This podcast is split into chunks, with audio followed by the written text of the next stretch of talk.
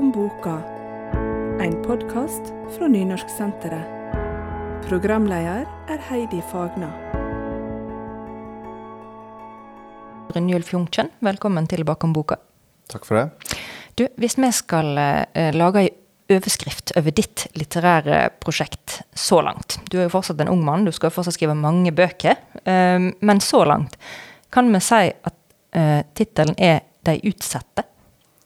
Ja, jeg tenker det er et uh, godt forslag. Det er absolutt det. Eh, mange av um, hovedkarakterene i bøkene mine er absolutt utsatte. Sånn at uh, jeg tenker det er et godt forslag. Ja. For når jeg forbereder disse her podkastene, så bader jeg i bøkene til den aktuelle forfatteren. Eh, å bade i dine bøker er jo litterært sett en stor glede, men, men, tematisk så er det mye mørkt og, og, og, og tungt. Eh, her er flere barn som blir utsatte for omsorgssvikt, eh, og her er mange mennesker som opplever rasisme. Og disse bøkene dine de når langt ut. Hva slags tilbakemeldinger er de vanligste du får?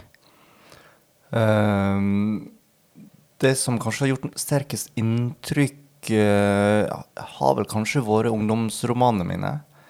Uh, 'Så vakker du er' og 'Smadra'. Uh, når det gjelder 'Så vakker du er', hvor um, hovedpersonen er en ung gutt som opplever å miste eh, en onkel eh, til alvorlig sykdom. Så når jeg turnerte rundt med den i Sogn og Fjordane på ungdomsskolene, så, så, fikk jeg tilbakemelding om at her var det eh, elever som hadde opplevd noe lignende, og som kjente seg veldig igjen i boka, og som fikk stor hjelp av boka. da. Så det var veldig sterkt. Og når det gjelder smadra, hvor um, ei jente rett og slett opplever å bli slått av mora, opplever vold hjemme, uh, så, så, har jeg opplevd at uh, det har kommet uh, unge bort til meg og sagt at de ikke har hatt det bra hjemme.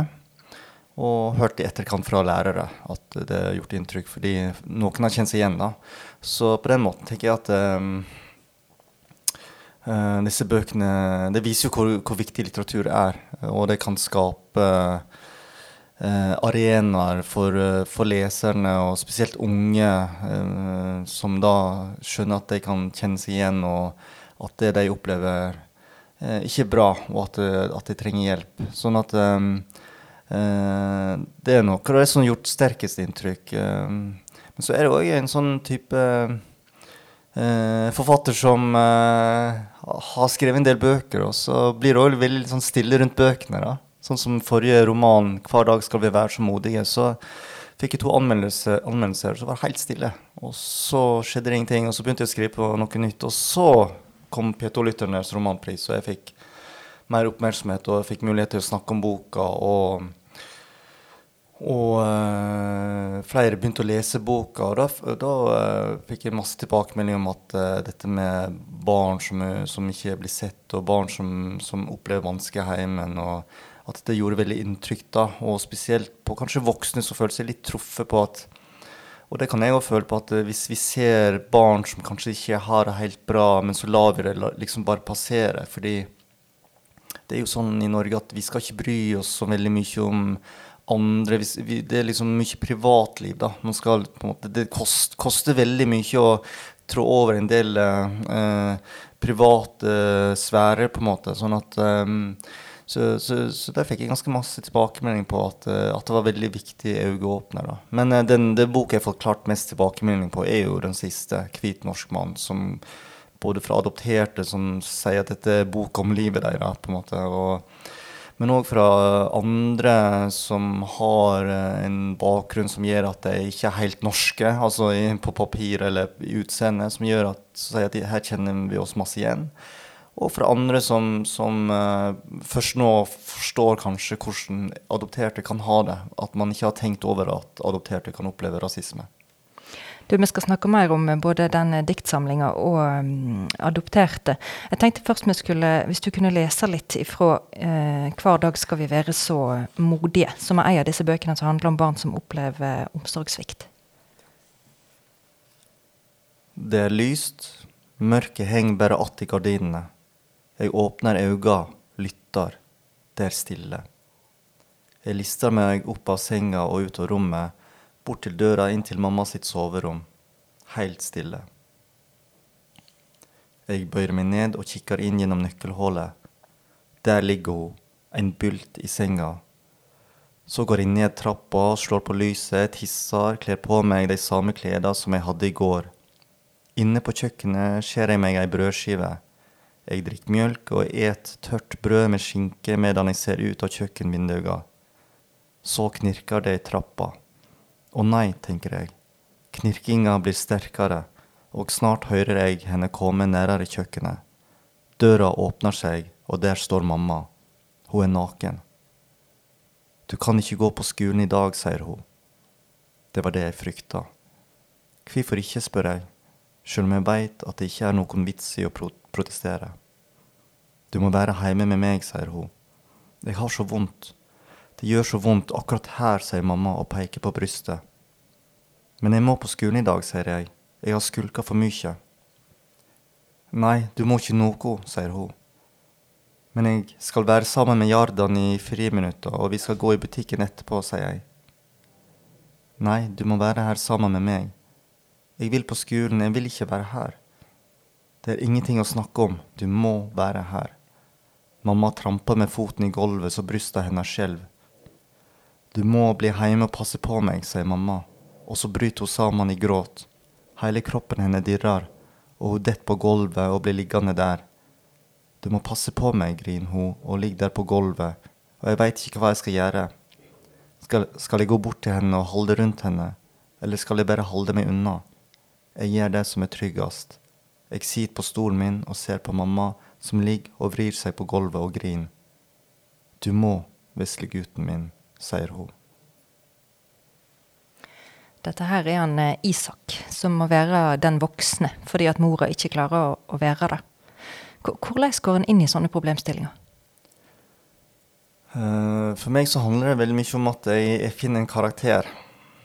Uh, og, og, et utgangspunkt. Og for meg så, så, fant jeg Isak eh, litt i samme type utgangspunkt som jeg har funnet andre karakterene mine. Det at han er inne i på en kjøkken eh, i et hus på en gård på Vestlandet. Og det er liksom den, det huset, den gården og det, den bygda jeg vokste opp i. da. Så det, jeg tar ofte utgangspunkt i, i, i det. da. Og han har slått seg. Han blør fra kneet. Og så vil han veldig gjerne ha plaster og selvsagt trøst. Men så får han ikke det.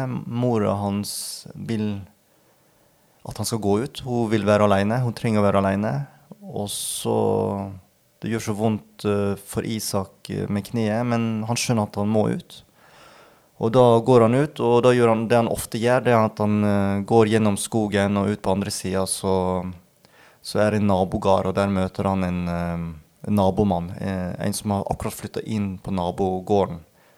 Og de har utvikla et slags vennskap. De, de, snakker ikke med hverandre, men, men de møtes ved gjerdet som skiller gårdene. Og så, så gir han mannen eh, Isak en eh, sjokolade eller kjeks eller tyggis. Så trekker da Isak seg unna. Sånn, og sånn, sånn, er på en måte vennskapet deres. Og det var sånn boka starta. Det var den scenen. Og så gjelder det for meg da, som forfatter å, å finne ut uh, hvorfor det er sånn, og hva som skal skje videre. Og jeg visste ikke noen ting før jeg skrev den scenen. da. Men jeg følte at her hadde jeg et eller annet, og da måtte jeg skjønne hvorfor hva, hva, det var med mora til Isak, uh, og hva, hva, slags person er Isak, og hva er det med nabomannen på nabogården som som virker litt spesiell òg. Og hvorfor dukker det plutselig opp ei ukjent uh, ung kvinne på nabogården som ser ut til å være kjæresten til den mannen? Og sånn utvikler historien seg, da. Og så skjønte jeg at uh, Isak, som er et veldig sårbart barn, og som, som går rundt i denne bygda og går på skolen og går på butikken for å handle fordi det er tomt i kjøleskapet, og han har jo ikke penger, men han får krite i butikken, da alle vet jo hvem han er, men ingen ser han ordentlig. Ingen som på en måte bryr seg ordentlig. Ikke læreren, ingen av de andre. som Ikke foreldrene til bestevennen hans heller. Sånn at uh, uh, denne historien bare vokser og vokser, og, og, det er liksom typisk at et sårbart barn òg opplever enda flere vonde ting. da. Man blir ekstra utsatt. og, og da ble jeg litt nysgjerrig på han nabomannen og nabokvinna hva slags personer var disse? Hvorfor viser de så interesse for Isak? Og sånn at um, eh, Ja, så, så, det, så, det, var sånn utvikla historien seg. da, Så jeg hadde ingen plan på forhånd. Så det, det handler egentlig om å Og jeg er heller ikke noen ekspert på, eh, på dette med barn og det å være utsatt. Eh, ikke noen faglig ekspert, så jeg må bare skrive litt ut fra meg sjøl og mine følelser. da, og um, så jeg bruker jo veldig mye meg sjøl og, og, og, ting jeg har følt på og, kjent på, så bruker jeg veldig mye inn i skrivingen.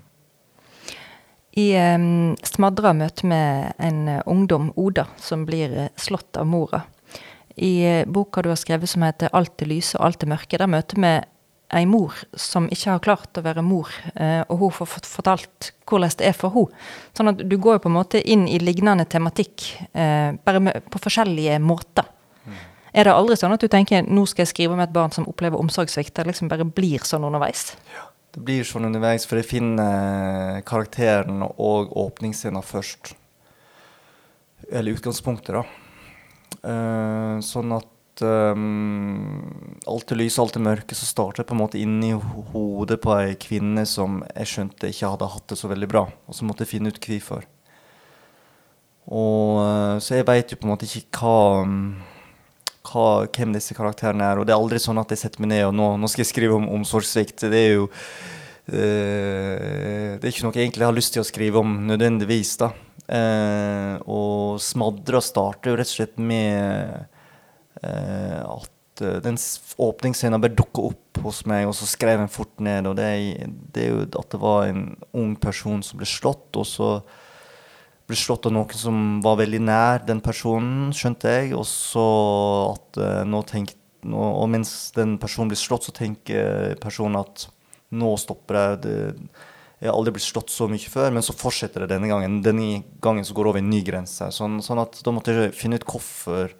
Hvem er denne personen som blir slått? Og så fant jeg ut at det var, at det var ei som heter Oda. Hvem er det som slår? Og, jeg, og så fant jeg ut at det var mora. Og så måtte jeg finne ut hvorfor alt dette skjer, da, og hva som skjer videre. Sånn at um, jeg skulle gjerne skrevet om noe mer lystig, da. Men det klarer jeg ikke. Og så er det noe med at jeg, jeg, tror jeg vender tilbake til den tematikken, fordi den ligger ganske nært inntil eh, noe som, som, nok er på en måte et mysterium for meg, og som, som, er nok et stort sår hos meg, og det er at jeg ikke veit noe om de tre første åra av livet mitt. Jeg ble jo uh, adoptert til Norge, jeg var tre år gammel. Og ifølge rapportene fra, fra Sør-Korea så ble jeg funnet på en togstasjon da jeg var to. Sånn at jeg må ha opplevd litt forskjellige ting i de tre første årene av livet mitt. Det må ha vært ting som har gjort at jeg har mista flere personer jeg har vært tilknytta. Og må ha vært mye redd. Sant? De tre første årene av livet er jo det viktigste tilknytningsstadiet for barn. Det er da hjernen vokser. Um, altså hjernecellen utvikler seg. og det er da man skaper tilknytning og, og en grunnleggende trygghet. da. Og, og, dette har gjort veldig sterkt inntrykk for meg å, å skjønne ettertid, når jeg har fått barn sjøl, hvor, hvor, viktig omsorgspersoner er.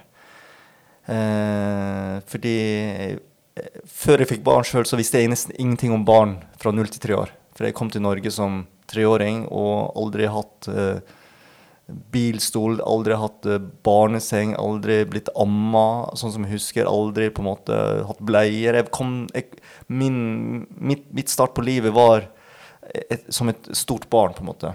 Eh, jeg ble født tre år gammel, på en måte.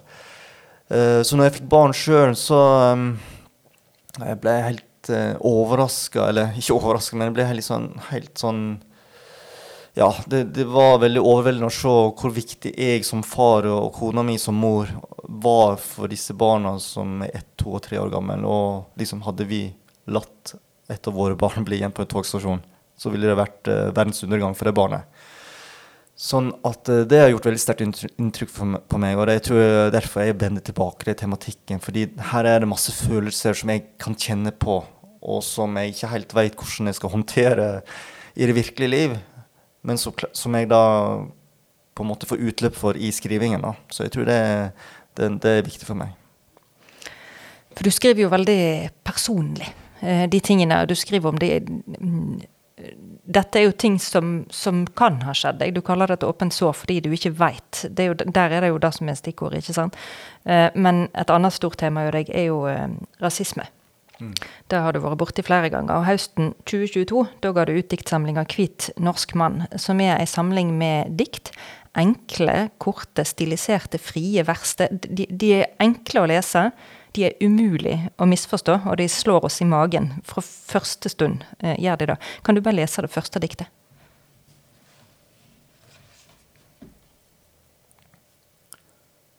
Hva vil du bli når du blir stor? Jeg vil bli en hvit, norsk mann. Det fins liksom ingen naturlig tidspunkt å begynne å prate på etter du har lest noe sånn, fordi det en, en, en, må tenke. Det er ikke lov å ikke tenke etter du har lest noe sånt. Ja. Hvordan er det å gi ut så personlige bøker? Ja, det var veldig skummelt. Fordi det er første gang jeg skrev så personlig og, og nakent. da. Og det gjorde at jeg var veldig usikker òg. Liksom, eh, for var det, teksten er så annerledes enn det jeg skrev før. Jeg skriver kanskje mye mer sånn poetisk og mye mer opptatt av, av det språklige og på en måte å skape litterære bilder og uh, Veldig opptatt av det poetiske i språket. da. Mens uh, når jeg nå skrev disse diktene, så, så var ikke de så veldig poetiske. sant? Det er på en måte uh, veldig rett fram. Så jeg var veldig usikker. Og turte i starten ikke å sende inn til forlaget mitt. Og fordi det var så personlig. da. Og hvis de sa at nei, dette er ikke bra, dette er Uh, ikke bra nok, så ville det vært veldig vondt. Så, så, jeg drøyde veldig lenge. Jeg husker jeg til og med begynte å skrive en mail til redaktøren min og la med vedlegg på de 20 første diktene, og så turte jeg ikke å sende. turte ikke å trykke 'send'. Sånn at, uh, men det diktet jeg las uh, nå i starten, det var jo det første um, Det var det første jeg skrev. og det er jo en, på en måte en sentral scene fra oppveksten min fordi jeg sto framfor speilet og tenkte at jeg vil så gjerne se ut som alle andre. Jeg har lyst til å bli sånn som alle andre. Og eh, hvorfor måtte jeg, blant alle millionene som bor i Norge, være den som så kinesisk ut, på en måte? Så det var liksom eh, det, det, det, er en situasjon eller scene som på en måte går igjen under oppveksten min. da.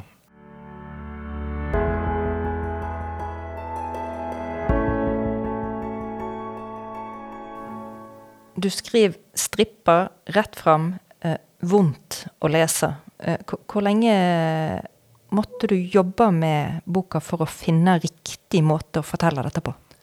Akkurat det jobber jeg ganske lenge med. Så selve skrivingen gikk veldig fort.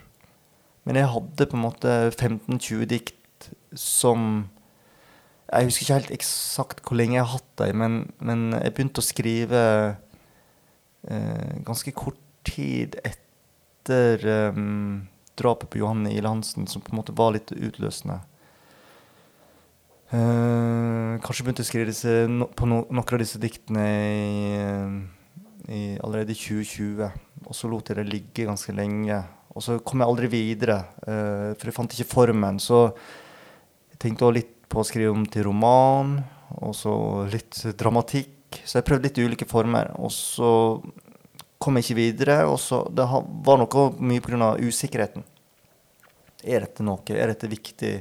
Jeg hadde tittelen ganske tidlig òg. 'Hvit norsk mann'.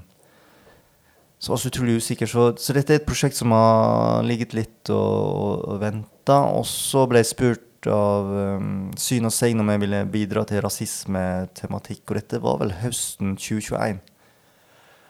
Og jeg tenkte ja, men nå kan jeg prøve ut disse diktene som jeg ikke tør å sende fra meg. Og da fikk jeg masse tilbakemelding med en gang. Hva sa de da? Nei, at var, det var litt samme type reaksjon som jeg, fikk, som jeg får nå. da. At, uh, at uh, dette hadde ikke vi tenkt på. Dette med å være så ubetenksom. Og at, at det fikk leseren til å gå litt i seg sjøl. Men klart, det, dette var noen få dikt. Uh, og, og um, de tilbakemeldingene var det, var det var mange til å være At det hadde stått i et tidsskrift. da. Og så la redaktøren min og diktene og bare sa at nå må du skrive. Dette, dette er bok du må skrive. Og etter det så nå snakker vi egentlig bare om et halvt år siden nesten. Så, um, så i løpet av våren 2022 så skrev jeg kanskje over halvparten av boka ferdig.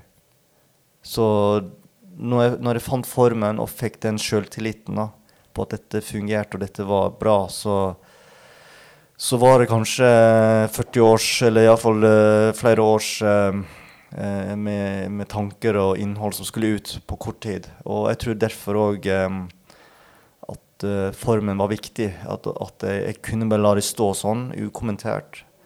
Jeg tror Hvis jeg hadde skrevet så romanform, så tror jeg hadde, da hadde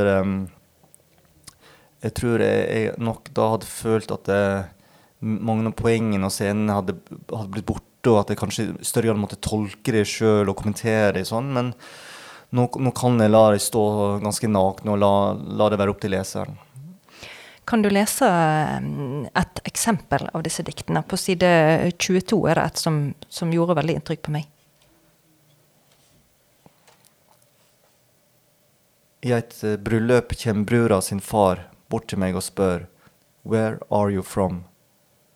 Jeg svarer at jeg er norsk, at jeg er adoptert fra Sør-Korea, men han har vokst opp nesten hele livet på en gard på Vestlandet. Han spør meg om jeg trives med å bo i Norge. Hvor ofte opplever du sånne ting? Akkurat det har jeg opplevd ganske mange ganger i ulike vers typer versjoner. da. At uh, først kan spørre på engelsk, og så Når du skjønner at jeg kan snakke norsk, så uh, kan jo til og med si ja, du snakker bra norsk. Sånne ting, da. Så dette er på en måte en slags et, en versjon av, av, flere sånne hendelser. Um, sånn at uh, og, og, og en av de hendelsene som gjorde at kona mi òg skjønte etter hvert at ja, men det er faktisk sånn at du opplever mange sånne situasjoner. For jeg sa til henne ganske tidlig når vi ble sammen i og, sånn midten av 20-årene. Altså da snakker vi 15, 15 år siden. Sånn at, eh, og hun, hun nå var jo sånn men jeg tror du opplever kan, Er det virkelig sant, liksom? At du opplever mange sånne ting? Og så opplevde mange sånne situasjoner, da, til og med når hun var sammen med meg. Men jeg og da dikta opp for henne at, eh, at, eh, ja, jeg opplever mye sånt. Og, og hun kan jo bli ganske oppgitt uh, over alle de situasjonene og gangene det skjer. da. Sånn at uh, dette her er på en måte veldig typisk, tror jeg, for, for veldig mange med mørkere hud og, og, adopterte. Er det mest eldre folk? Det er, det er mest eldre folk, og det er en generasjonsting. Sånn at uh, det blir mindre og mindre av det. Og det gjør, gir meg et håp uh, for framtiden at generasjonen fra, fra, oss og nedover det, da, det, det, da, da, vil det ikke være sånn. Hvor lett um, er det å si om noe er rasisme eller bare uvitenhet? Kjempevanskelig. Fordi jeg veit fortsatt ikke, etter 40 år, om hva jeg har opplevd er rasisme eller ubetenksomhet eller Men, alt, alt i, men, men i, i, bunnen av alt så er det fordommer. Det er på en måte at man tenker at den personen der ser annerledes ut. Uh, jeg er ikke så opptatt av å, definere det som rasisme. Jeg er mer opptatt av at uh, å få fram disse situasjonene og fortellingene. Og så kan egentlig leseren sjøl definere hva de synes. Uh, men jeg har jo gått hele livet og sagt at jeg har opplevd veldig lite rasisme. Jeg har vært heldig. Jeg, uh, og jeg er en privilegert person. Jeg får jobbe med det jeg aller helst vil jobbe med. Jeg, jeg, er gift har barn. Jeg, får, jeg, har, jeg, har, det veldig bra i livet. Men jeg har én ting som plager meg skikkelig, og det er at jeg ser annerledes ut. Og det har jeg gjort hele livet. Sånn at um, så ja, jeg er ikke så veldig opptatt av å, For meg er det ikke så viktig å kalle det rasisme, da. Men hvis andre gjør det, så, så er det greit for meg. Og, og jeg tenker jo at um, det handler òg en del om hvordan samfunnet er, og hele sånn strukturen, på en måte. At, uh, at det å være adoptert, så faller du på en måte mellom to stoler. Du er i statistikken, og på papiret så er du norsk, og så blir du ikke behandla som norsk. sant? Og så, um, sånn at jeg jeg tenker jo hele tida på hvordan ser andre på meg, spesielt når jeg ikke har møtt dem før. Eh, sånn at det, det, her Det er alltid sånn at um, uh, Man er alltid bekymra når man møter spesielt nye folk eller i nye sammenhenger. Fordi man opplever i sånne situasjoner at, at det kommer ting som minner deg om at du er den ene som ser annerledes ut, og du ser ikke helt norsk ut. Tenker du på det hver gang du møter et nytt menneske? Hvordan de ser på deg? Ja. Jeg tenker på det hver gang jeg møter et nytt menneske som jeg, som jeg tenker ikke veit hvem jeg er. da. Eh, sånn at jeg er ofte veldig mye mer eh, avslappa hvis det er en person som Selv om det er en person jeg ikke har møtt før, men som jeg regner med veit hvem jeg er. Sant? Eller, eller det har vært situasjoner hvor jeg, hvor jeg etter hvert skjønner at ja, men den personen uh, kjenner andre adoptert, eller Eller sånne ting. Det kan være sånne små, enkle ting. da, Eller at jeg skjønner ja, men eh, de har jo barn som er adoptert, og da har jeg følt på en måte en sånn tilknytning. Eller felles forståelse. altså Det gir en slags trygghetsfølelse. da, at eh, Men så det, det, er alltid noe jeg på en måte har tenkt på, og noe som på en måte følger da, sånn um, Og som, som, jeg tror som har gjort at jeg har vært veldig opptatt av at uh, hvordan, hvordan, jeg kler meg, hvordan jeg ser ut. og uh, Jeg tenker, jeg kan ikke gå rundt i veldig stygge klær. Jeg kan ikke gå rundt og lukte vondt. Jeg kan ikke se rufsete ut. sant? Uh, jeg, kan, jeg, har alltid vært opptatt av å liksom ta meg best mulig ut på en eller annen måte og fremstå som vellykka og uh, bo på et bra sted i Oslo. Jeg er veldig opptatt av det ytre da, eh, og, og egentlig statusting. Fordi uh, nett, nettopp for å minimere det der uh, tanken om at jeg er, utenlandsk, jeg er ikke norsk. Så de, de, de kan iallfall ikke ta meg på det andre. fordi så det at jeg har prøvd å være mest mulig norsk på alle andre måter enn, at, enn det jeg ikke kan bli ordentlig norsk på per dags dato, som Norge er i dag. Og det, det er jo så hvit ut. Men du har jo virkelig gjort en god innsats, i alle fall. Da. Du, nå, du har jo tatt, riktig, du har tatt en god utdanning, du er journalistutdanner, du har eh, skrevet mange bøker som blir sett pris på. Du, jo, eh, du er jo en vellykka forfatter. Du er forlagsredaktør i Samlaget. Du er jo virkelig på toppen av næringskjeden, da, om en skal si det sånn. Så du har gjort en god jobb. Ja, og det, at det, det, har vært utrolig viktig for meg å nå de målene. Og, og, og eh, hatt en veldig sånn indre motivasjon for at eh, eh, Ja, jeg kan ikke bli en hvit norsk mann, men jeg kan bli alt det andre jeg, jeg har satt meg som mål for. Da. Og det, jeg tror dette gjelder veldig mange som har kanskje et større hinder, har litt mer vanskelige utgangspunkter. Eh, andre med innvandringsbakgrunn, f.eks. Man ser jo barn av eh, innvandrere som tar veldig Veldig mange tar jo veldig høy utdanning, prestisjeutdanning, leger, altså ingeniør. Er, jeg, jeg tror mange eh, er veldig opptatt av at man skal lykkes. Man skal vise at man kan lykkes, eh, nettopp fordi man kan møte fordommer og, og uh, rasisme i, i, hverdagen.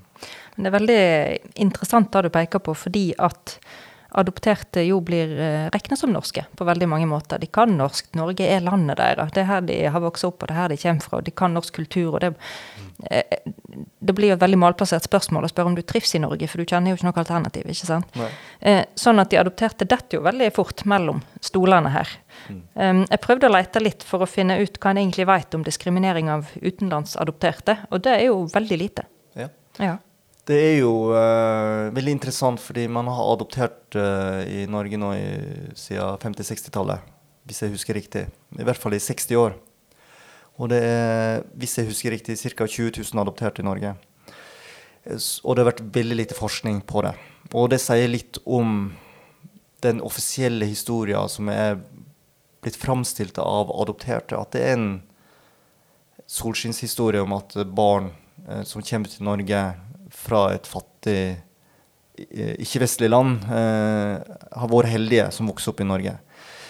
Eh, men så vet man jo at eh, eh, mange adoptivbarn har hatt store problemer. og det er blitt gjort noe forskning i de siste årene og det, det, og det, er en ganske stor prosentandel eh, av adopterte som opplever psykiske eh, vansker. Og det er interessant også at uh, Fafo gjorde rasismeundersøkelse uh, for bare noen få år siden. Og det var ikke adoptert med som en gruppe engang. Så man, som, som man faller mellom to stoler nettopp fordi man i statistikken er norske. Men så ser man ikke norsk ut. Og jeg tror um, jeg tror mange adopterte og adoptivforeldre har vært fortvila over dette. At, at, det har kanskje ikke vært så viktig eller noen status, status nok da, å forske på hvordan adopterte har hatt det i Norge. Og det er etter 60-70 år.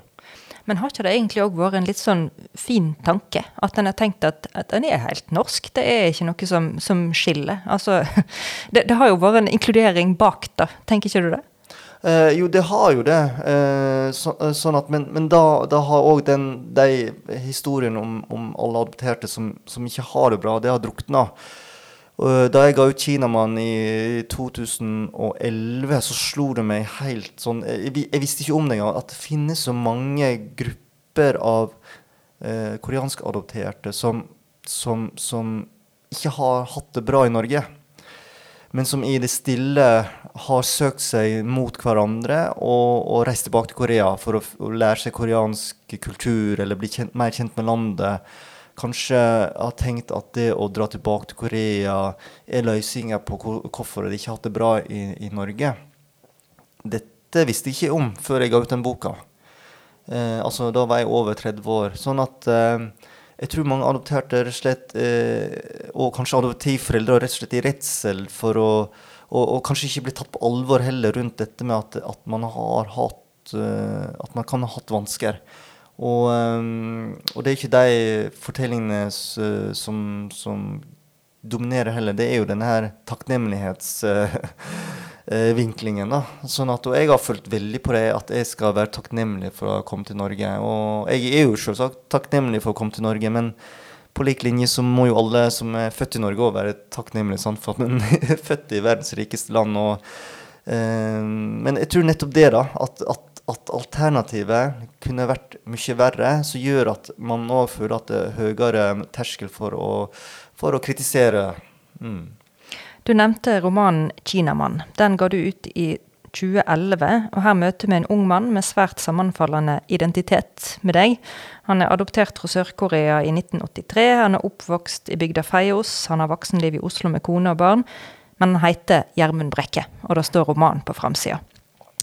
Um, denne boka her la seg for flere år siden, og allerede da eh, ga du meg en av disse sjokkopplevelsene fordi at når Gjermund Brekke sitter på flyet til Korea, så føler han seg for aller første gang helt vanlig.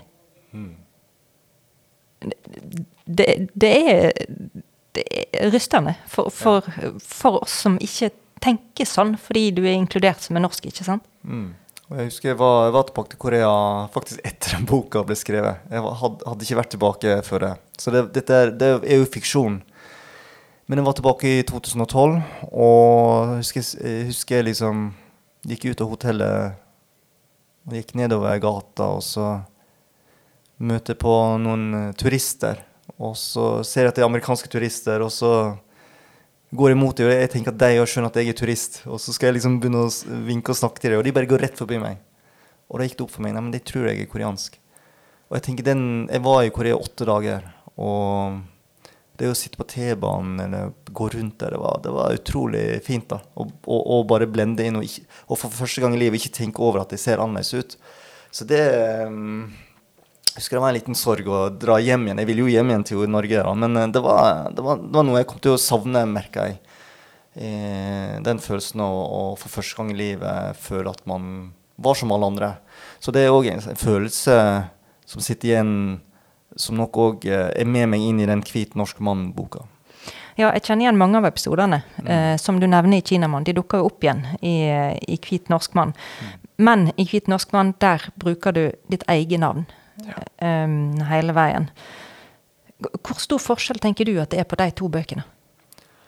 Det som er også interessant uh, mellom de to bøkene, det ene er jo at klart uh, 'Kinamann' er mye mer fiksjon, og, gjennom, og fra oppveksten. Selv om det er basert på en del av mine egne opplevelser. Og så er siste del eh, fiksjonalisert at uh, hovedpersonen drar tilbake til Korea og leter etter uh, opphav da, biologisk opphav. Eh, mens eh, mens eh, hvit norsk mann er jo Det er jo mitt liv. Det er meg. Og um, veldig reinskåren og veldig tett på og ærlig og Ja. Eh, og så er det jo interessant å se hvordan mottagelsen har vært. Altså Kinamanns var var f.eks. anmelderne ikke spesielt opptatt av tematikken. De var mer, mye mer opptatt av at de skrev på bokmål for første gang. Og um, Sånn at uh, den boka fikk ganske hard medfart av et par anmeldere helt i starten. Uh, som ikke var opptatt av tematikken, eller uh, nesten, men, men, som nok var mer opptatt av at de, de skrev annerledes og, og, og, sikkert dårligere enn jeg hadde gjort før. Mens jeg merker nå at Hvit norsk mann, den, den der er man mye mer opptatt av tematikken. Man er mye mer opptatt av tematikken nå elleve år etterpå. Eh, mm. Har ikke det noe med tida Jeg tror det har noe med tida, at man skjønner at uh, uh, At det her er det noe som er ja, grunnleggende viktig. da. Det har noe med alt som skjer og har skjedd og kommer til å skje. og flere ting som spiller inn. da. Det er alt fra korona, Black Lives Matter, Stop Asian Hate, til dette med adopsjon òg, som på en måte òg nå det som skjer rundt omkring i verden, er kanskje at adopsjonsindustrien At det finnes mye mørke der. At ting ikke, kanskje ikke har vært helt uh, på stell eller vært sånn som det skulle vært. Uh, som jeg tror kommer til å dominere mer og mer de nærmeste årene. Uh, og som går opp for meg mer og mer nå, at jeg, til og med jeg har vært ganske naiv i, i alle mine år. sånn at det er mange ting her som, som som sammenfaller, og som jeg ikke tenkte på når jeg skrev 'Hvit norsk mann'. Jeg var jo så seint som i, i tidlig august usikker på om denne boka kom til å få noe særlig oppmerksomhet. Sånn at det var i hvert fall ikke noen tanke om at jeg skulle treffe noe tidspunkt, riktig tidspunkt. i uh, tatt. Det var bare at uh, akkurat nå så føltes det helt avgjørende for meg å skrive disse diktene. Jeg, hadde, jeg holdt egentlig på en, med en annen roman, og så tok disse diktene helt over. Hvor eh, felles opplevelser har adopterte nordmenn, etter det du vet? Den tilbakemeldingen jeg får mest, er at mange kjenner seg igjen i, i diktene. Uh, uh, det som jeg òg har sånn, litt, spesielt med min oppvekst, er jo at jeg, jeg, jeg, kom jo til Norge og skulle bli noe av det mest norske du kan bli. Det er en odelsgutt på et småbruk i, i bitte lita bygd på Vestlandet kan, kan nesten ikke bli mer norsk, eh, norsk enn det. da. Sånn at uh, Det er litt sånn spesielt som har prega livet mitt, og ikke minst dette med identitet. Hvem er jeg? Og, og jeg har jo tenkt ja, det hadde vært mye enklere om jeg hadde blitt adoptert til en storby, f.eks. Og det kan godt hende, men da hadde det sikkert vært andre ting som òg hadde vært vanskelig. Sånn at um, Men til tross for at uh, mange adopterte ikke deler akkurat den delen, så, så er det mange som sier at de, at de kjenner seg igjen. Veldig mange at dette på en måte er nesten fortellingen om mitt liv. Og så, uh, og så tenker jeg, men, men, samtidig så er det, hvis jeg tenker, jeg vet riktig, ca. 20 000 adopterte i Norge. sånn at det er òg ma mange ulikheter. Og jeg vet at uh, det spenner alltid fra adopterte som ikke er opptatt av det i hele tatt, at man er adoptert og ikke interessert i, i biologisk bakgrunn eller opprinnelsesland.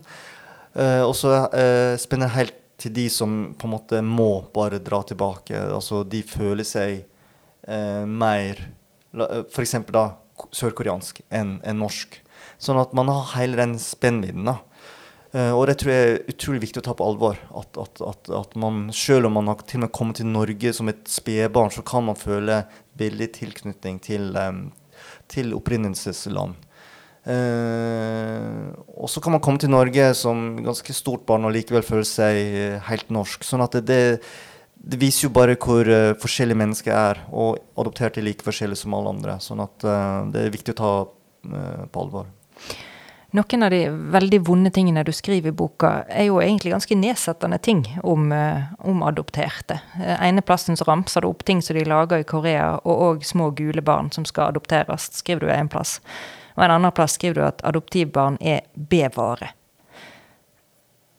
Er det mange som tenker sånn? Det vet jeg ikke, for det, dette er jo ting som jeg skriver ut fra mine følelser om, om og, og, og, eh, hvordan jeg eh, opplever det. Eh, fordi eh, jeg vet jo at eh, foreldrene mine var gift i ti år før de fikk meg. sant? Sånn at det er jo en stor sjanse for at jeg prøvde på den naturlige måten. Uh, og da er det lett å tenke at man er et annet valg, eller en slags uh, reserveløsning. Eh, også det med B-bar er jo på en måte et slags bilde på at man hadde jo, man hadde jo egentlig andre foreldre. Og så blir man til overs, og så er det andre foreldre igjen som på en måte tar deg i stedet. Som, nett som en B-vare. da. Uh, hvis man går i en butikk og så kjøper man noe, og så leverer man det tilbake, og så er det noen andre som kjøper det for litt uh, rimeligere. Man kan gjøre det på Elkjøp, f.eks. sånn at uh, Så det bør på en måte vise litt hvordan det kan føles for en adoptert. da. sånn at um, Ja, jeg, jeg, jeg, I utgangspunktet så, så, kan jeg føle på at jeg som adoptert er en B-vare, en reserveløsning. Men jeg har aldri følt det sånn uh, gjennom oppveksten. Altså Foreldrene mine Jeg følte absolutt at de har uh, eh, elska meg som, som, som, deres barn 100 Sånn at um, Det er bare for å vise litt hvordan denne her um, adopsjons... Det å være adoptert er, kan være ganske komplekst. Det kan være mange tanker man får i hodet. da. Og mange tanker som svirrer gjennom at jeg er god nok. og jeg skulle gjerne vært sånn, og foreldrene mine skulle gjerne kanskje hatt et barn som var mer sånn og sånn, mer lik deg. sant? Og akkurat som jeg har tenkt at jeg skulle ønske jeg hadde hatt foreldre som var litt mer lik meg, så, så er det naturlig å tenke at foreldrene skulle ønske jeg hadde hatt barn som var litt mer like deg, samme interesser. altså jeg har tenkt mange ganger at pappa skulle gjerne hatt en sønn som elska å være på den gården og stå ute i skogen sammen med han. sant? Eh, helt i motsetning til meg. Sånn at um, Ja, man, får, man, får, man kan få liksom litt dårlig samvittighet for at man ikke er ekte vare, da, for å bruke et sånt ord. Men, uh, men, jeg har aldri følt på at de ikke har vært uh, like glad i meg som jeg var deres uh, biologiske barn. Det har jeg aldri følt på. Så det er ikke det jeg skriver. sånn at um, Ja. Jeg forstår alt du sier, og du har helt sikkert rett i det. Um, og, men det som jeg òg tenker er jo at adopterte barn kan jo enda mer enn biologiske barn vite at de var sterkt ønska. Ellers hadde de jo ikke vært der. Og det er jo nettopp det en del av den jeg tenker er den offisielle fortellingen som blir fortalt ut, at, at uh, man var så sterkt ønska at man adopterte. Uh, men uh, Og det, det, er jo sant, man vil jo ha Adoptivforeldre vil jo veldig gjerne ha barn. Og det er veldig, det er en selvsagt veldig fin tanke, og den tanken jeg vokst opp med hele livet, at vi var så sterkt ønska. Og den tenker jeg man kan kritisere litt, fordi den kan overskygge nettopp det at um, hvis man har problemer, så, så, så, blir det litt ekstra vanskelig. Og, men, men, du var så sterkt ønska. Du kan ikke liksom kritisere foreldrene dine, eller du kan liksom betvile noe sånt. Men sånn at um, eh, Ja, eh, adoptivforeldre altså, eh, Men det, det, likevel, det endrer likevel ikke det der at, eh, at mange Jeg sier ikke alle, men mange uh, adoptivbarn er likevel på en måte en slags uh, annen løsning, reserveløsning. Fordi i mange tilfeller så, så, var det jo et ønske om et biologisk barn, og så får man ikke det. Og så før teknologien kom med prøverør og, og ikke minst um, det at man nå har mulighet til å dra til utlandet og, og gjøre andre ting, så, så, var adopsjon på en måte en slags eh, Ja, et annet valg da, på den tiden jeg ble adoptert. Sant? Sånn at det er lett å Ja. Sånn at det er jo ikke på en måte eh, noen motsetning.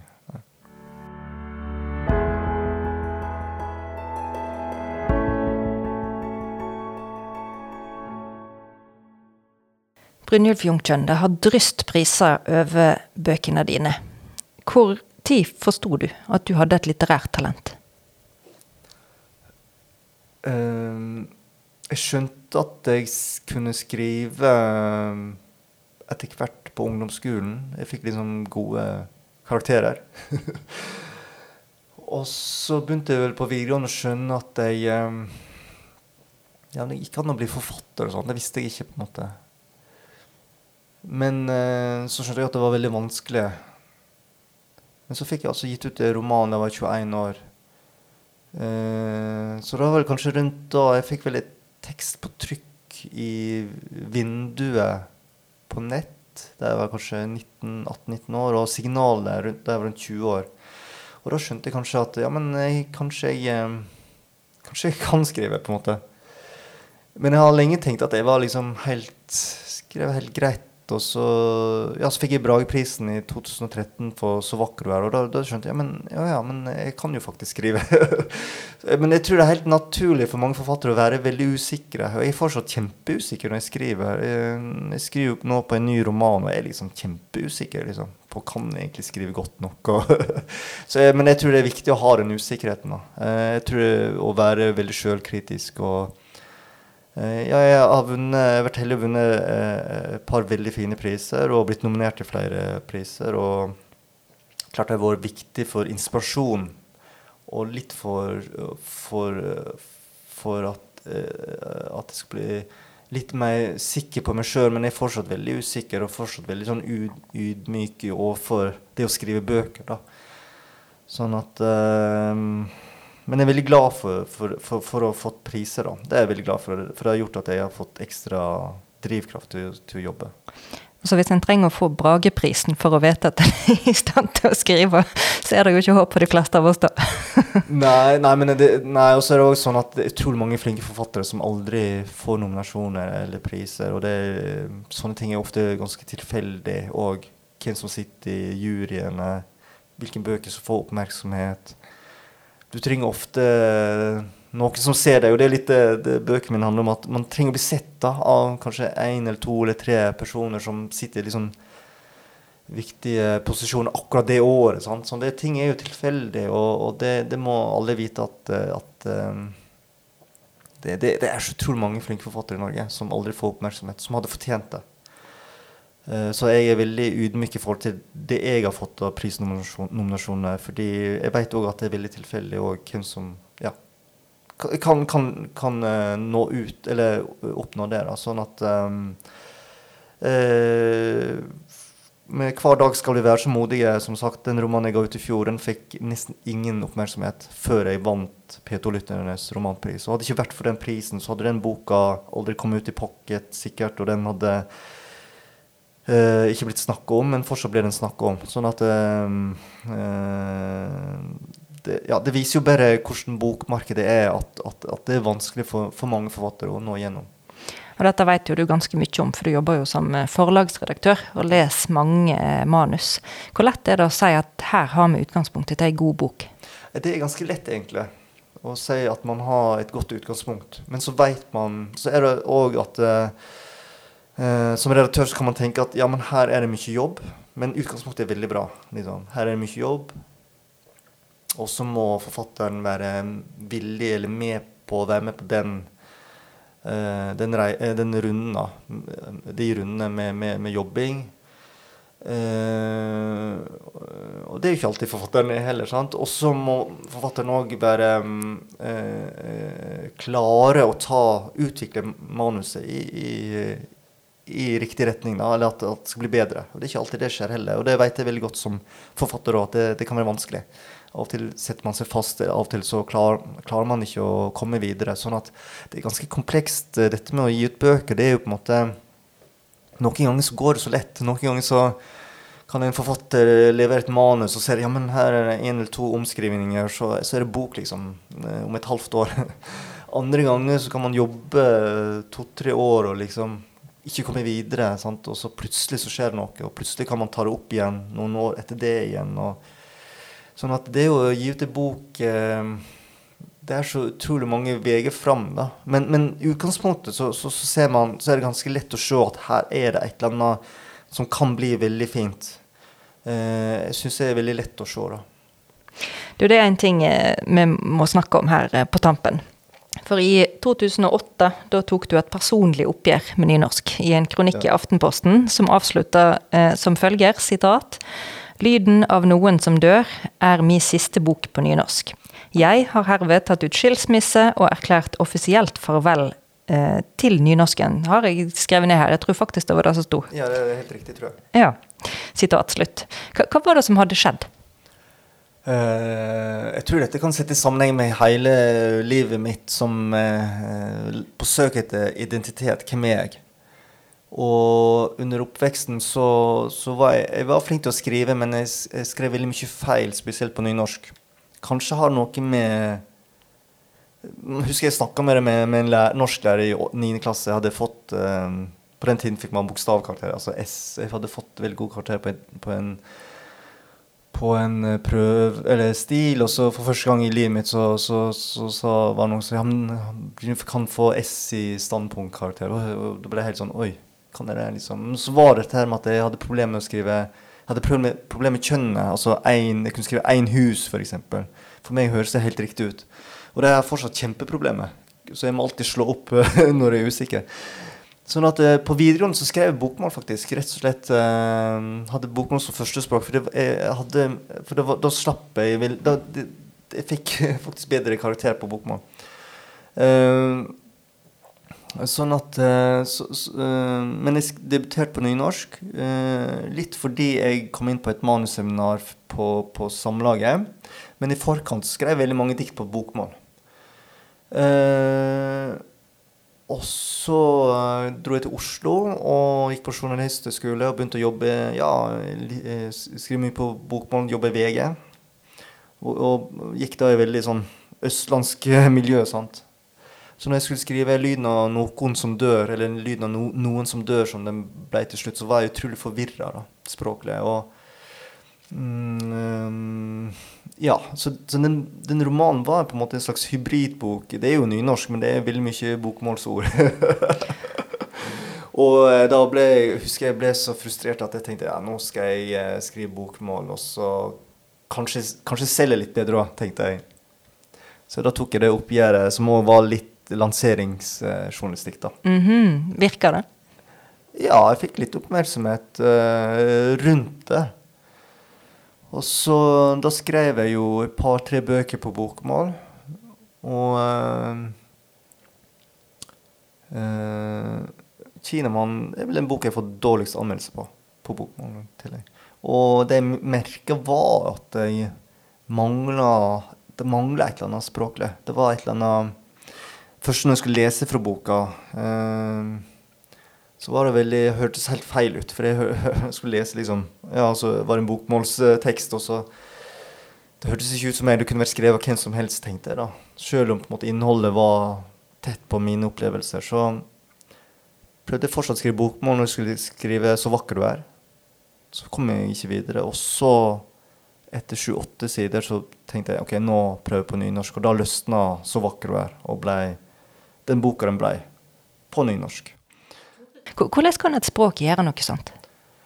Eh, det jeg skjønte, var vel at nettopp det der erfaringen med at, at når jeg skrev på bokmål, så kunne det være hvem som helst. Jeg kjente igjen stemmen min. Jeg kjente igjen det som sto der, på en måte. For det kunne være hvem som helst som har skrevet det så tror jeg rett og slett at uh, når, jeg, når, jeg, får skrive på nynorsk, så kan jeg bruke de lydene og de luktene og de følelsene som jeg har vokst opp med. Uh, jeg kan bruke det språket som kommer innenfra.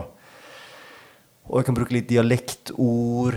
Og det er noe med klangen, og det er noe Det er helt tatt noe med at språket liksom ligger så mye mer tettere på meg, da, hvordan jeg snakker, hvordan jeg tenker. at ja, jeg, jeg har skjønt at det er det jeg må skrive for at, at, dette skal bli sånn som jeg vil, at det skal bli bra. da. Altså, jeg, jeg, jeg kunne ikke nå skrevet noe på bokmål. Det ville vært helt unaturlig for meg. Så må jeg si at uh, jeg er glad jeg gjorde det. Jeg er glad jeg tok det oppgjøret med nynorsk i 2008 og, og provoserte en del. Det husker jeg. Jeg husker lokalavisa nekta å skrive om meg på et par år. sånn at eh, Jeg tror mange blir provosert. Og så er jeg så glad for at jeg hadde de to-tre bøkene på bokmål, og så uh, at jeg hadde den For jeg tror det er en del av min, min oppvekst og min søken etter, etter hvem jeg er. Og, og hadde ikke gjort det, så, så, hadde jeg kanskje fortsatt lurt på Ja, men kanskje kunne jeg ha fått det til på bokmål. sant? Liksom, man ligger, man, jeg tror en del har det der i bakhodet. Kanskje kan man nå litt større marked på bokmål. Men for meg er det helt uaktuelt. Jeg tenker at eh, jeg må skrive på nynorsk fordi det, er da litteraturen blir best, og det er da det ligger tettest på meg. Og det lærte jeg litt på den harde måten, da. Så for meg så, så var det en veldig, veldig fin erfaring å ha, da. Så jeg er glad jeg gjorde det. tenker vi setter eh, punktum der. Takk for at du var med bakom boka, Brynjulf Jungtjønn. Takk for at jeg fikk komme. Du har hørt Bakom boka, en podkast fra Nynorsksenteret. Programleder er Heidi Fagna.